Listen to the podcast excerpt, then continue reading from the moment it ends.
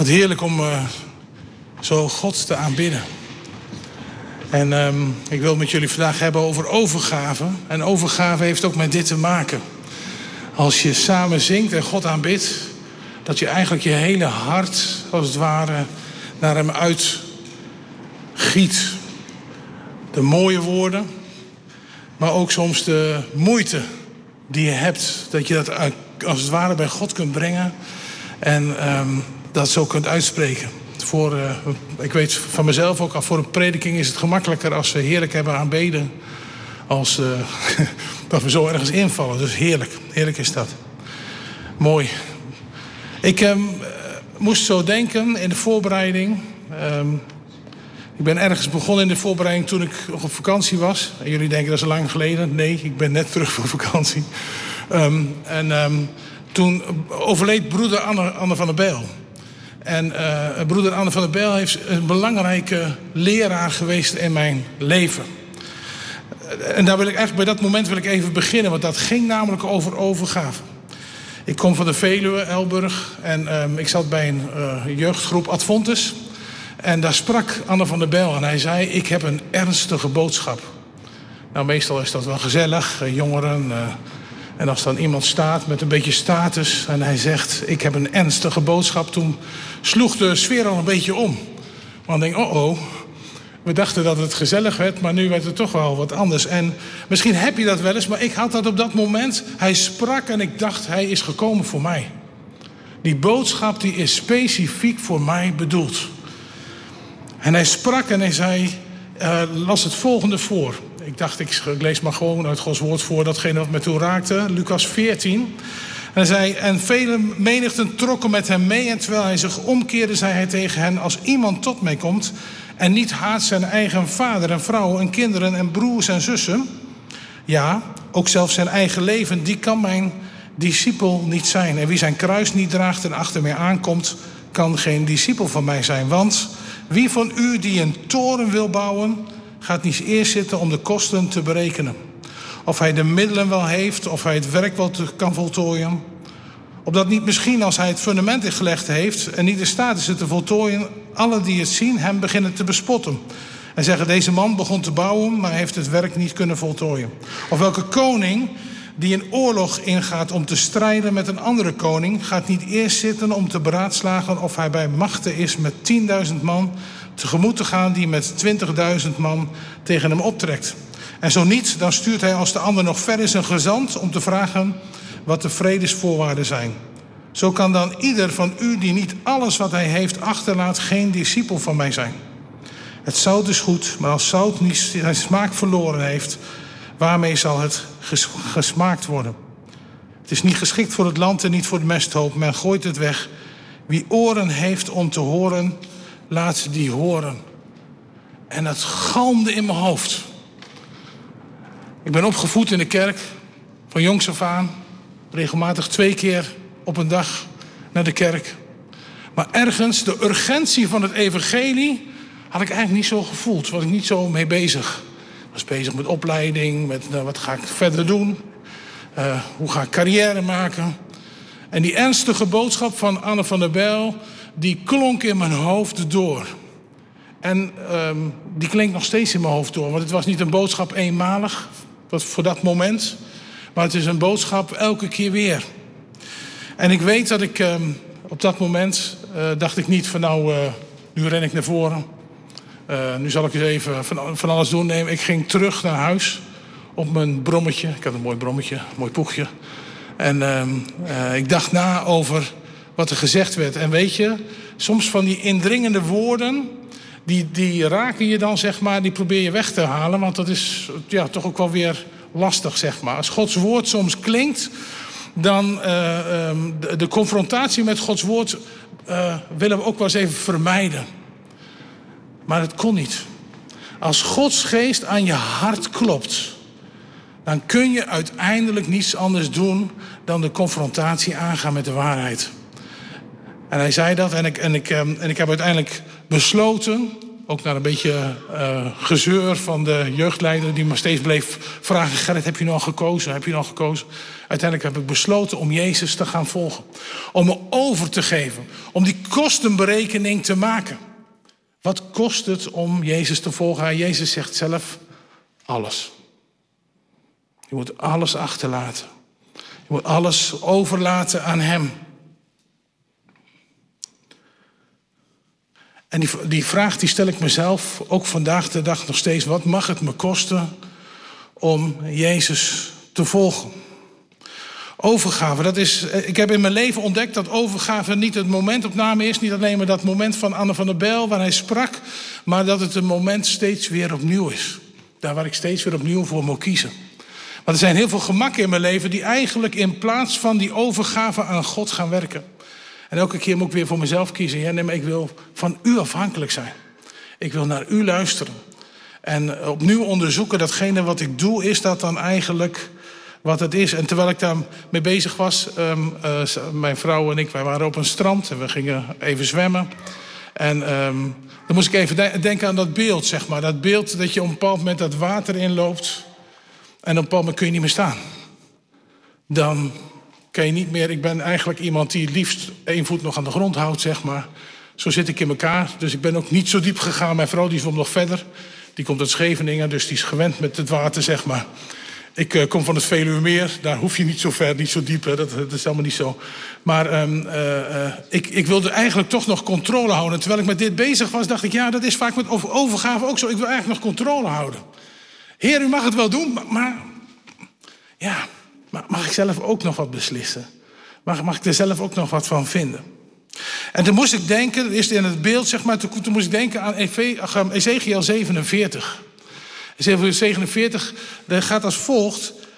Daar staat er, toen de man naar het oosten naar buiten ging, was er een meetlint in zijn hand. Hij mat duizend el en liet mij door het water gaan. Het water kwam tot mijn enkels. Hij mat weer duizend el en liet mij door het water gaan. Het, het, water kwam tot mijn knieën. Toen mat hij weer duizend el en liet mij gaan. Het water kwam tot mijn heupen. Nog eens mat hij duizend el. Het was een beek waar ik niet door kon gaan, want het water was heel hoog. Water waar men alleen zwemmen door kon. Een beek waar men anders niet door kon gaan. Nou is dit woord bedoeld voor een hele andere, daar ga ik het vandaag niet over hebben, zeg maar. Dat, dat, is, dat gaat over, maar het gaat ook over overgave. Het gaat over hoe ver mag Jezus eigenlijk in je leven ingrijpen. Welke, in welke kamer mag eigenlijk het licht aan? En welke leefgebieden, zoals we dat in onze zorg zeggen, mag Jezus regeren? Dat is iets wat we zelf besluiten. Dat is iets waar we zelf voor mogen kiezen. En waar we steeds weer opnieuw moeten kiezen. En ergens in het evangelie hebben ze mij geleerd, ja, als je je maar overgeeft. Ergens moet je een keer een moment hebben. Weet je nog, 8 januari 19, weet ik voor wat, zeg maar. Als je dat moment maar weet. Nee, maar overgave heeft veel meer te maken met ook vandaag. Ook nu. Ook nu zijn we, moeten we bezig zijn. Ik heb uh, uh, even teruggeluisterd naar uh, Kees Goedhart, zeg maar. Heerlijk om naar die man te luisteren. Uh, de, de, dieven, de vier dieven, ze werden aan het begin al even, genoemd, zeg maar. Die je laten roven, daar moet je je weer in overgeven om die vreugde terug te pakken. Laat je je omstandigheden groter worden. Laat je mensen beheersen. Um, laat je je bezorgdheid zo groot worden dat je je uh, niet op, op Jezus richt. Um, laat je je bezittingen, dat was de vierde. Ik dacht, ik ga eens proberen te onthouden. Laat je je bezittingen, zeg maar. Um, uh, zo belangrijk worden. Dat wil je zo, daar wil je zo graag aan vasthouden dat je Jezus daardoor verliest. Elke keer moet je je daar eigenlijk weer aan overgeven. En weet je, ik heb ontdekt, daar heb je ook argumenten. Je hebt argumenten voor jezelf. En Jezus die kwam uh, een aantal mensen tegen die hadden ook van die argumenten. Lucas 9 zegt dat. Het gebeurde toen hij onderweg was dat er iemand tegen hem zei: Heren, ik zal u volgen waar, uh, waar u ook heen gaat. Maar Jezus zei tegen hem: De vossen hebben holen en de vogels in de lucht nesten, maar de zoon des mensen heeft niets waarop hij het hoofd kan neerleggen. Tegen de andere zei hij: Volg mij. Maar die zei: Heer, sta mij toe dat ik wegga om eerst mijn vader te begraven.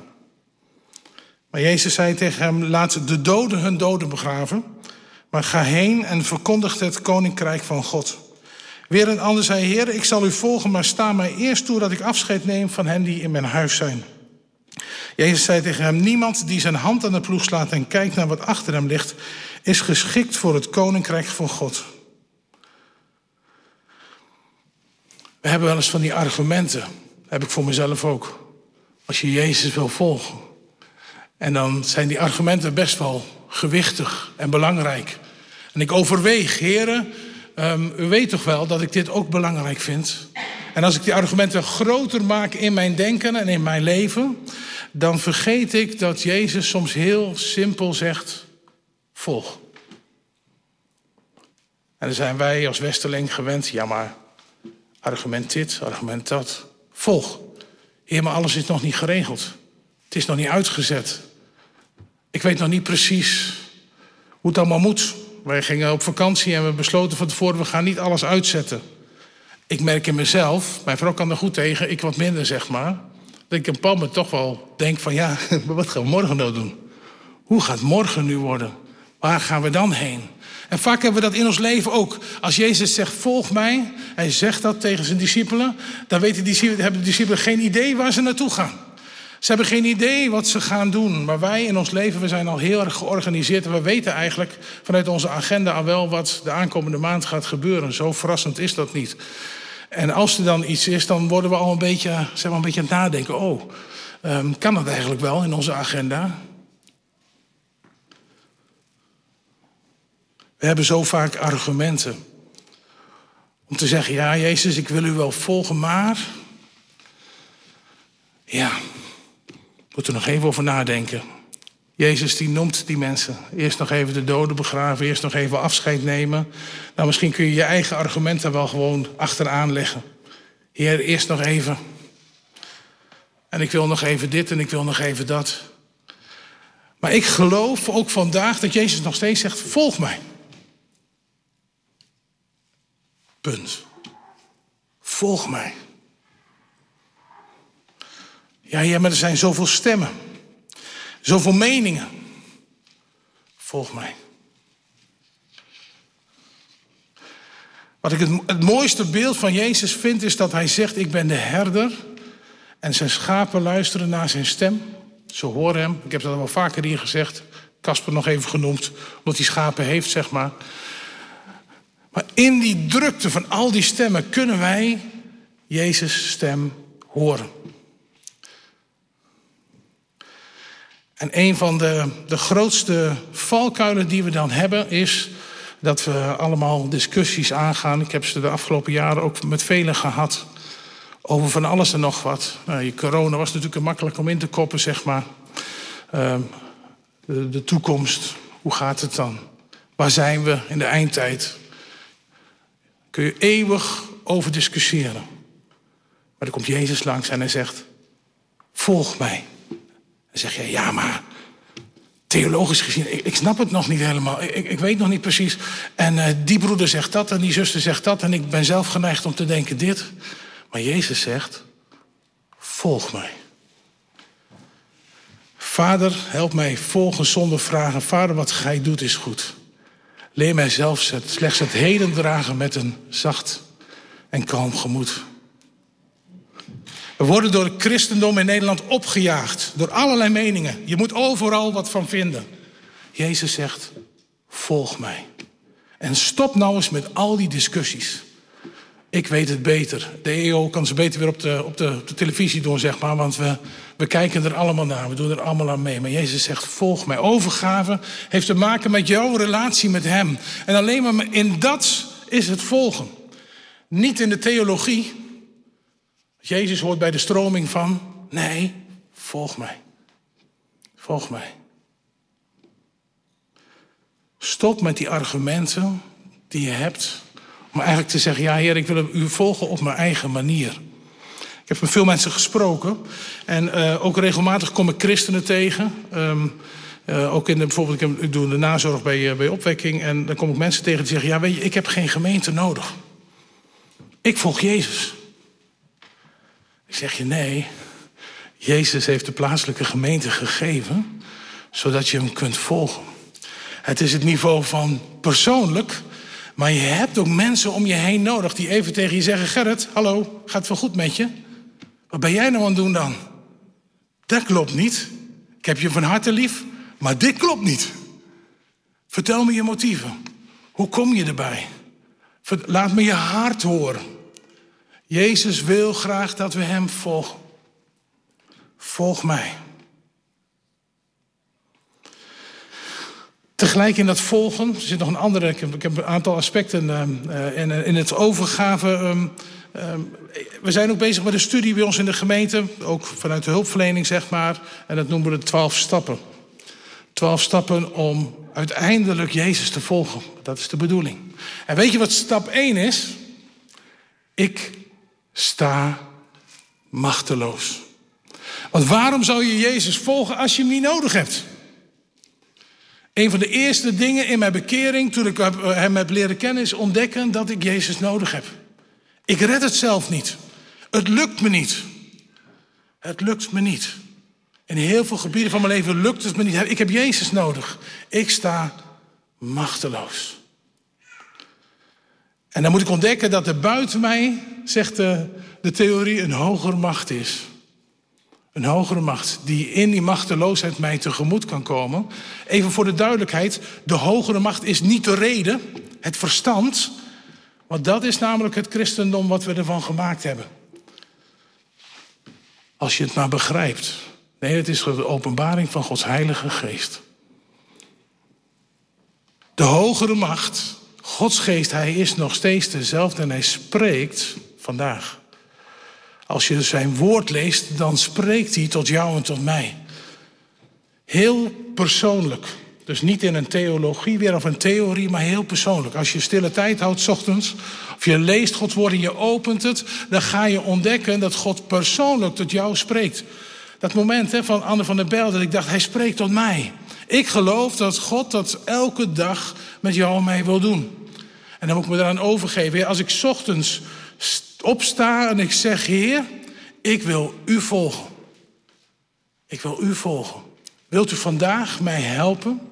Wilt u me vandaag leiden door uw geest? In alle contacten die ik heb, of dat nou mijn werk is, um, of dat thuis is, of dat met de studie is, het maakt eigenlijk niet uit. Het maakt niet uit. Elk moment wil ik u graag horen. En dan is die geest van God in staat om elke dag opnieuw jou, tot jou te spreken. Maar dan moet je eraan overgeven, want misschien staat er wel zo'n commentaarstem in je hoofd die zegt: Ja, maar wacht eens even. Dat is helemaal niet logisch wat Gods geest daar zegt. Ik kan het veel beter zo of zo doen. Overgave heeft te maken met alle gebieden van je leven. Niet alleen maar hier of een keertje in een, een bijeenkomst vooruitkomen, maar heeft te maken met alles heeft te maken met alles. Dat heb ik in mijn leven ontdekt. Eerst toen ik tot bekering kwam. Kees die maakte er ook nog een mooi stukje van. Want iemand vroeg over de natuurlijke mens en de geestelijke mens. Zeg maar, als je tot bekering komt, heb je de potentie om in alles Jezus te volgen. Maar op het moment dat je uit de samenkomst wegloopt, ben je nog precies dezelfde. Doe je nog dezelfde dingen? Denk je nog dezelfde gedachten? Heb je nog dezelfde gevoelens? En hij noemde dat, dat is de weg van de heiliging. Daar geloof ik in, want in die weg van de heiliging moet je elke keer weer kiezen. Kies ik voor mezelf? Kies ik voor het patroon wat ik aangeleerd heb gekregen vanuit mijn uh, verleden of vanuit mijn traditie? Of kies ik voor Jezus? Kies ik voor datgene wat Hij zegt? Daarom zegt Romeinen 12 ook, wordt vernieuwd in je denken. Als je het allemaal al wist, als je het al meegekregen hebt van huis, dan heeft dat vernieuwing ook helemaal geen zin. God wil door zijn geest vernieuwen. En dan moet ik me elke keer aan overgeven. Ik sta machteloos was stap 1. Ik, uh, er is een hogere macht. En dan komt de derde, want dan gaat namelijk over overgave. De derde gave. Ik ga radicaal kiezen voor Jezus. Ik ga radicaal kiezen voor Jezus. Dat is de. En als je dan, zoals wij uh, een aantal mensen hebben, levensbeheersende problematiek hebt. Dat betekent zo groot dat je eigenlijk niet gewoon kunt leven dat beheerst je zo, dan heb je iets van buitenaf nodig. Dan zie je ook vaak dat mensen die daar echt die keuze radicaal in maken, die maken dat ook. En hun leven gaat op zijn kop.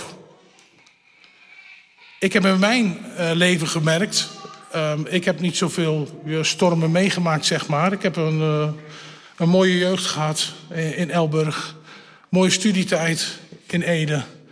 En uh, uh, dus ik, dat ging anders, zeg maar. Maar ik moest diezelfde radicale keuze maken, omdat ik ontdekte dat eigenlijk door dat leven, zeg maar, dat ik, dat ik daar net zo vast in liep, zeg maar, als die ander.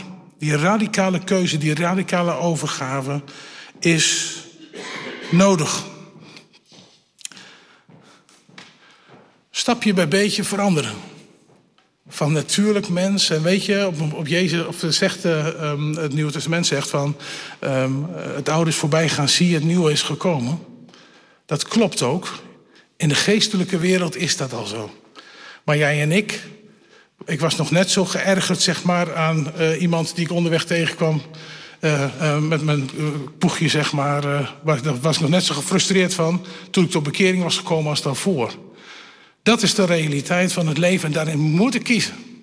Elke keer me weer overgeven. Heer, ik geloof niet dat het uw bedoeling is dat het zo, dat het zo moet. Leer mij, help mij, ik heb u nodig. Het is niet alleen maar gedragsmatig leren, maar het is ook dat God het openbaart door zijn geest. Die urgentie die Anne gaf zeg maar, aan dat woord, die urgentie moet ik ergens in mijn hart gaan bemerken. In overgave naar God toe. Als ik bemerk dat God het echt wil, dat het echt zijn verlangen is, dan kan ik dat verlangen gaan beamen, gaan omarmen en daarin gaan wandelen.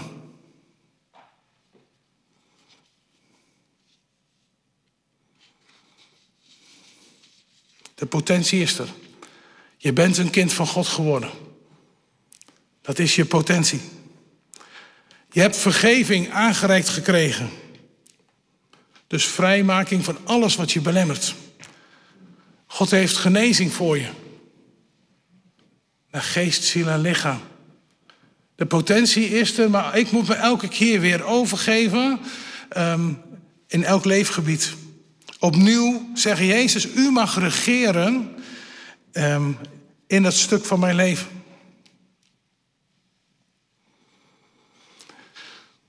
Nou zijn dit algemene dingen, maar ik, ik, wil nog een paar specifieke dingen zeggen over waar ik ook geloof wat overgave, of misschien wel eh, beter gezegd waar je geloof voor nodig hebt.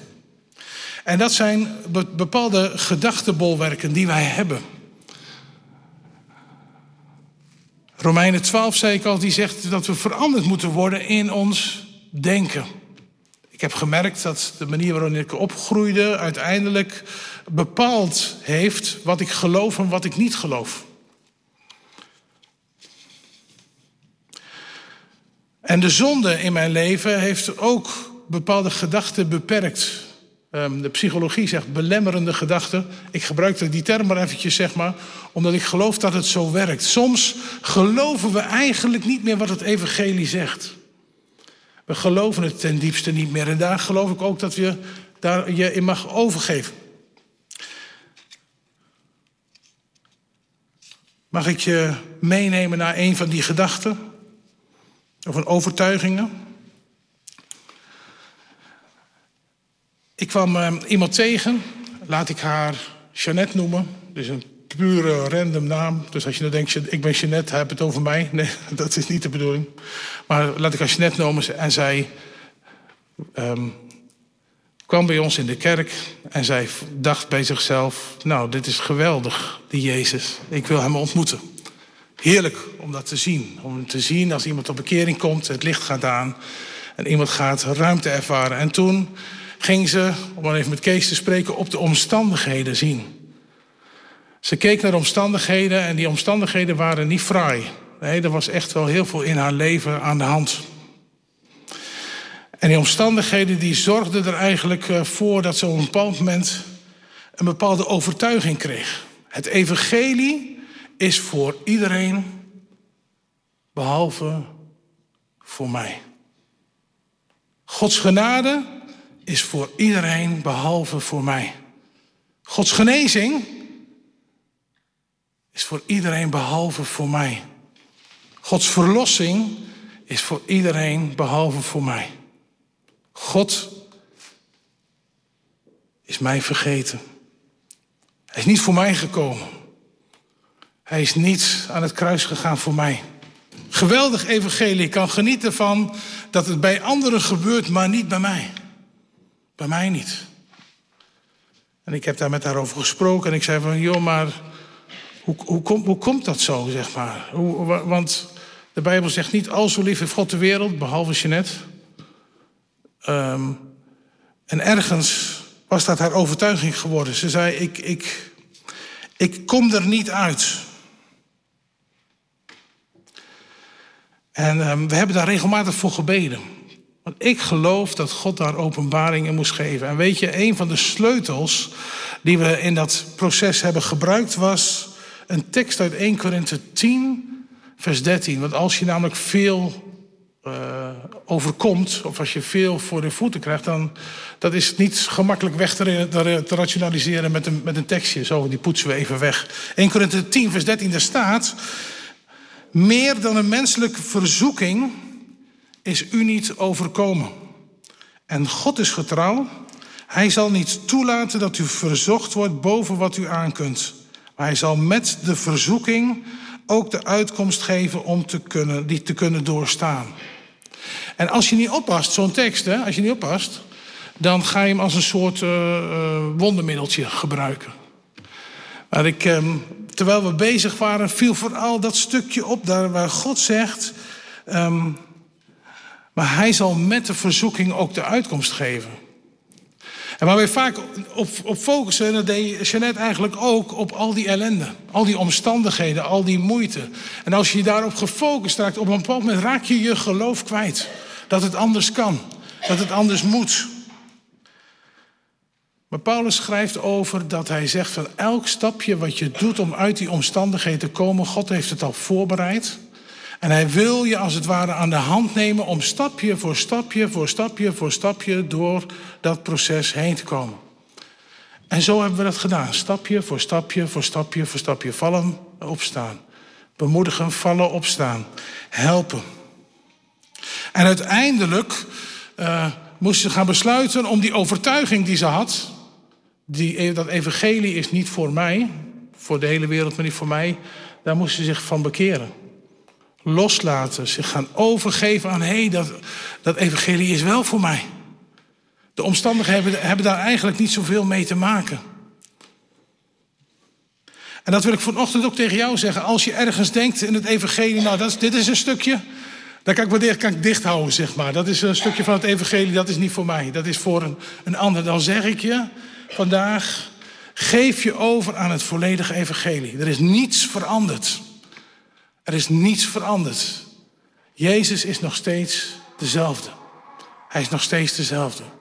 Hij is nog steeds degene die vergeving geeft. Hij is nog steeds degene die geneest. Hij is nog steeds degene die bevrijding geeft. Geef je, ga niet je exclusief maken voor jezelf.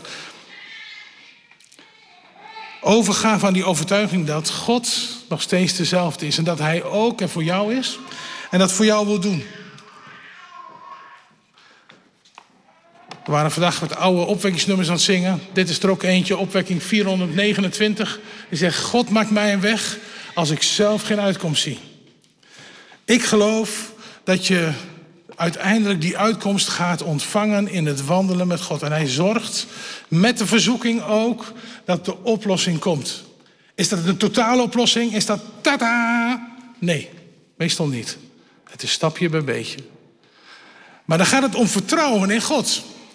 Durf je God zo te vertrouwen dat als hij een proces met je aangaat, dat hij dat ook vol zal houden. En misschien duurt het wel tien jaar. En misschien duurt het wel twintig jaar. Want wij zijn nogal van, het moet wel wonderlijk zijn. En het moet wel binnen een week klaar zijn. Maar sommige processen duren veel en veel langer. Als je, zoals je net een, een, een beroerde opvoeding hebt gehad... en je mensbeeld is daardoor helemaal vervormd... dan is dat niet zomaar voorbij. Dan moet je ervaringen hebben met mensen die het heel anders doen. En uiteindelijk dat gaan geloven en dat gaan vertrouwen. En soms moet je het ook gewoon zien. Ik, ik hoorde een verhaal van iemand die uh, zei van. Uh, hij, die mocht kijken in een ander gebouw om in de kerk te kijken, zeg maar. En toen viel de deur achter hem dicht in het slot. En nou, dat kon hij dus niet door naar buiten. En hij keek door. En zag hij ergens een, een, een, een tralies. En uh, uh, nou, daar ging hij naartoe en hij zag iemand voorbij lopen. En in eerste instantie reageerde hij niet. En uh, Nou, na een tijdje uiteindelijk zeg maar reageerde die wel.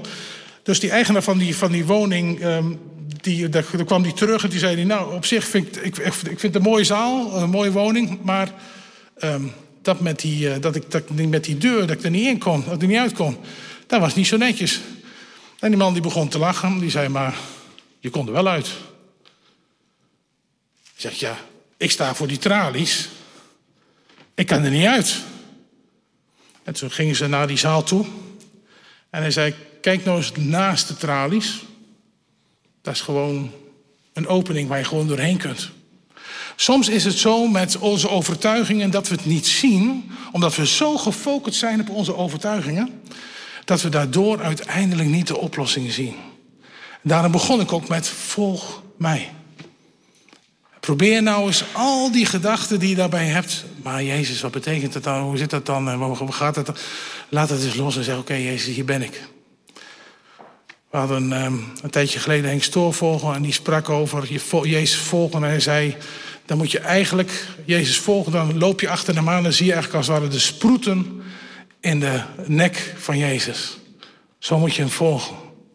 Zo dichtbij, zeg maar. Zo gefocust op hem en niet op de omstandigheden. Niet op van alles en nog wat wat er omheen is.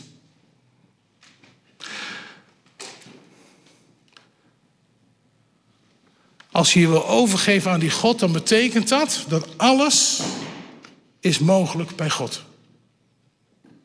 Ook voor jou. Ook in jouw situatie. Ik geloof, als je het hebt over overgave, daar moet je je ook aan overgeven. Daar moet je gaan geloven. Daar moet je in gaan wandelen. Dan moet je gaan, uh, naar God toe gaan bespreken en zeggen: Heer, ik geloof dat. Ik vertrouw op u. Niet, ik vertrouw erop dat Harm dat allemaal overkomt.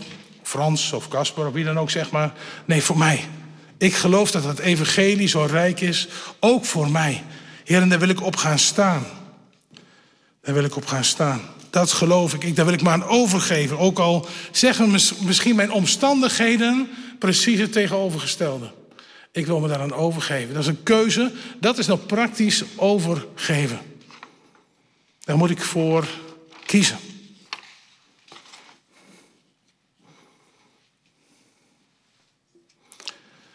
Ik heb nog zo'n tweede overtuiging. Die ik eh, vaak tegenkom, ook bij ons in de gemeente. Als ik dan vraag, jongens, ehm, wie wilde dit of dat doen? Dan zeggen ze, ehm, nou, neem mij maar niet. En dan vraag ik, joh, ehm, heb je geen tijd? Dat kan namelijk als je een drukke agenda hebt. Misschien heb je... Uh, nou, dat, nee, dat is het niet. En als ik dan een tijdje doorpraat, dan ontdek ik dat mensen eigenlijk zeggen... God wil iedereen gebruiken behalve mij. Mij niet.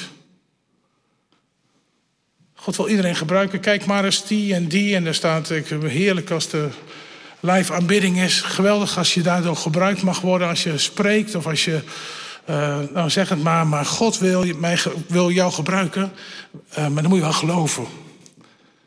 Veel mensen hebben de overtuiging dat God altijd een ander wil gebruiken. Maar eigenlijk niet henzelf. En ik zeg je, dat is een leugen. En ik geloof dat je je moet overgeven aan die God die jou wil gebruiken. Die kan je gebruiken als je naar de Jumbo gaat voor boodschappen.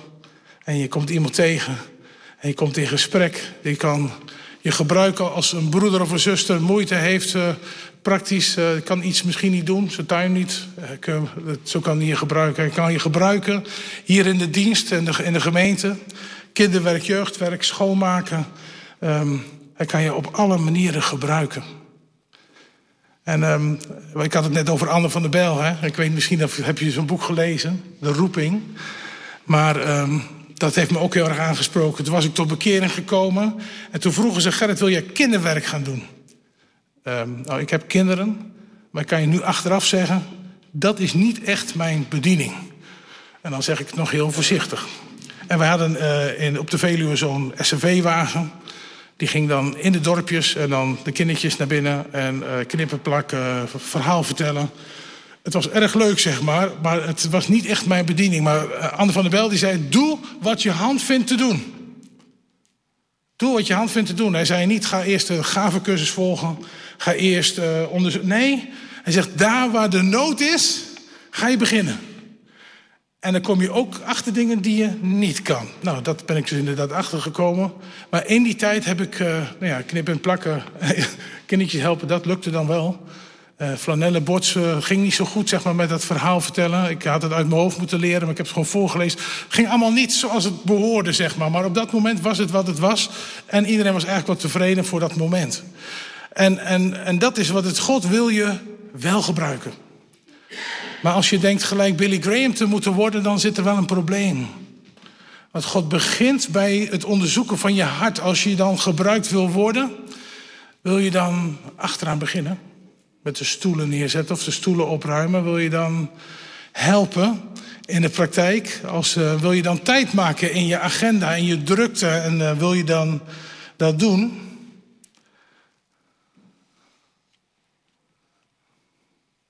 1 Korinthe 1, vers 21. Want omdat in de wijsheid van God de wereld door haar wijsheid niet heeft leren kennen, heeft God het behaagd door de dwaasheid van de prediking zalig te maken hen die geloven. Want het dwaze van God is wijzer dan de mensen.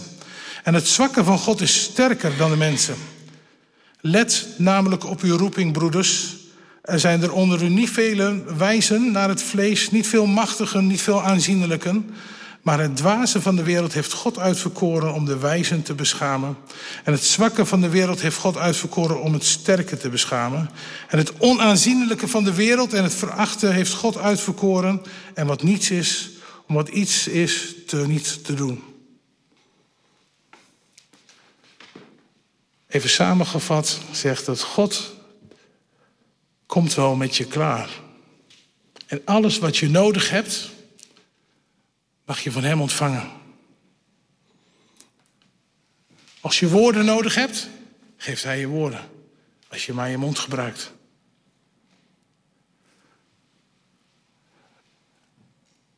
De Bijbel zegt het is net andersom. Wij zeggen welke competenties heb je? Kun je goed spreken? Kun je goed musiceren? Kun je goed. De Bijbel zegt nee, dat is de wereld. Ik doe het anders. Ik zeg volg mij. Volg mij. En de rest zal ik in het volgen aan je leren en zal ik aan je geven.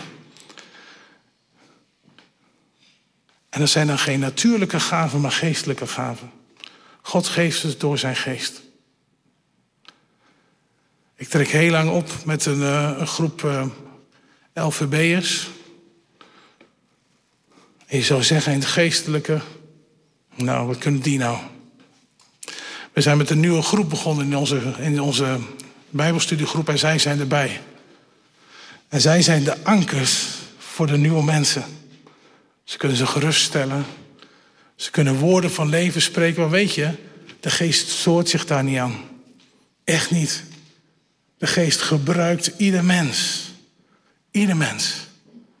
Hij zegt woorden van leven. En dan denk je, hoe kom je eraan?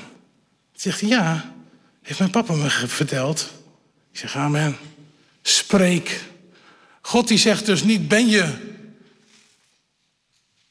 uh, daar knap genoeg en heb je daar genoeg van? Nee, hij zegt, ben je beschikbaar. Wil je je overgeven aan mij, dan wil ik je gebruiken. Dan wil ik je gebruiken voor mijn koninkrijk. Daar hoef je niet voor naar de Bijbelschool te gaan. Alleen maar achter Jezus aan. Volg mij. Volg mij. Geef je over aan Hem. Geef je over aan Hem. Samengevat. In hoeverre heb je je overgegeven aan Jezus? Ben je tot je enkels, je knieën, je heupen? Durf je je al volledig over te geven aan Hem? Een dienst als vandaag is de mogelijkheid om daar keuzes in te maken. Het gaat niet om een emotionele keuze maar een wilsbesluit. Heer, ik merk in mijn, in mijn leven dat er nog gebieden zijn waar ik me nog niet helemaal aan u overgeef. Dan is vandaag de dag. Het moment om te zeggen, Heer, hier ben ik. Misschien weet ik niet precies hoe ik dat moet doen, maar ik ben beschikbaar. Ik wil antwoorden op volg mij.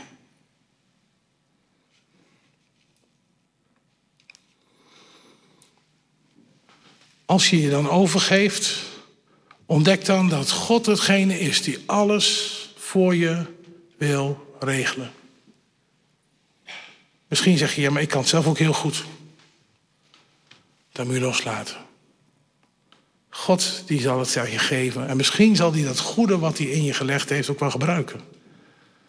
Maar dan, hij loopt voorop. En dan mag je hem volgen. En misschien wel met al die geweldige gaven en talenten die je hebt. Maar het begint bij die overgave. Volg mij. Volg mij ook in het dagelijks leven, als je keuzes moet maken, wat ga ik eigenlijk aan prioriteit geven ehm, voor mijn agenda? Volg mij. Overgave, volg mij. Jezus moet in die agenda uitpuilen.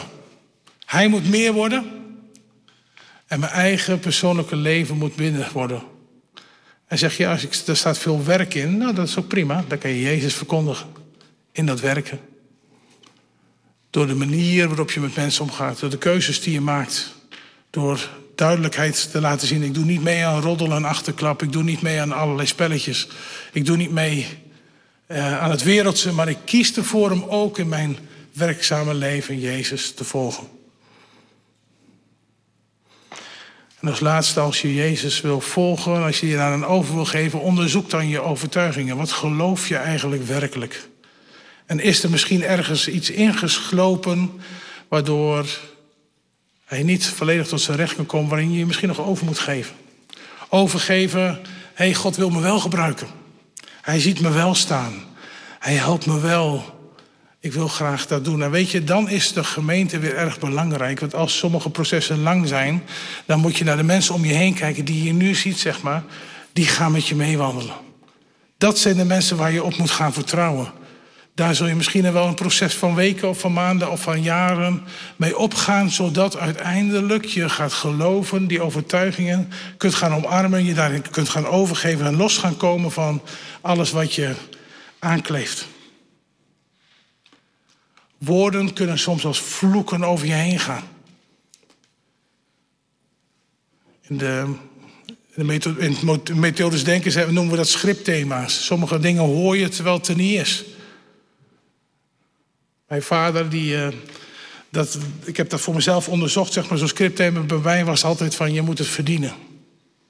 Je moet het verdienen. En het eerste wat toen ik tot bekering kwam, wat echt de sleutel was, was dat Jezus zegt: Nee, ik heb het volbracht. Je hoeft het niet te verdienen. Het is al gebeurd. En ik toen merkte dat is een hele andere positie. Ik hoef niet meer zo nodig, maar ik mag. Ik hoef niet meer me te, te presteren. Ik weet nog dat ik mijn, eh, mijn eerste diploma haalde, mijn VWO-diploma. Dat duurde negen jaar voordat hij uiteindelijk er was, maar uiteindelijk was hij er dan. Ik heb mijn vader nog nooit zo blij gezien. En het was een beetje dat ik dacht, huh?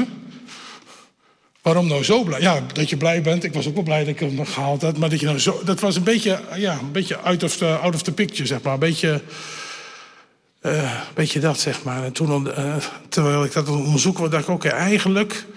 In, een beetje eromheen heb ik eigenlijk die boodschap meegekregen. Je moet het verdienen. En ik zeg je in het evangelie... kun je het niet verdienen, maar wordt het je geschonken. Moet je je daaraan overgeven.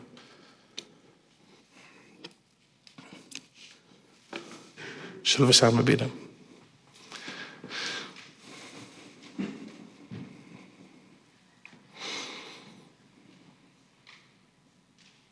Heer Jezus, we danken u zo, Heer, dat we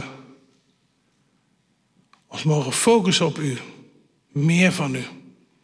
Meer van u in ons leven, minder van onszelf. Heer, en als we ons aan u overgeven, dan wilt u zoveel. Dan wilt u zoveel in ons leven bewerken, veranderen zoals u ons bedoeld heeft. Dan wilt u zoveel van onze lasten en ons denken eh, weghalen en vernieuwen door uw geest. Heer, en ik bid zo vanochtend, Heer, dat u door uw geest ook die spiegel in ons leven voorhoudt. Niet als veroordeling, Heer, maar om te, te laten zien zoals u het bedoeld heeft en zoals we het, wat we er tot op heden zelf van gemaakt hebben.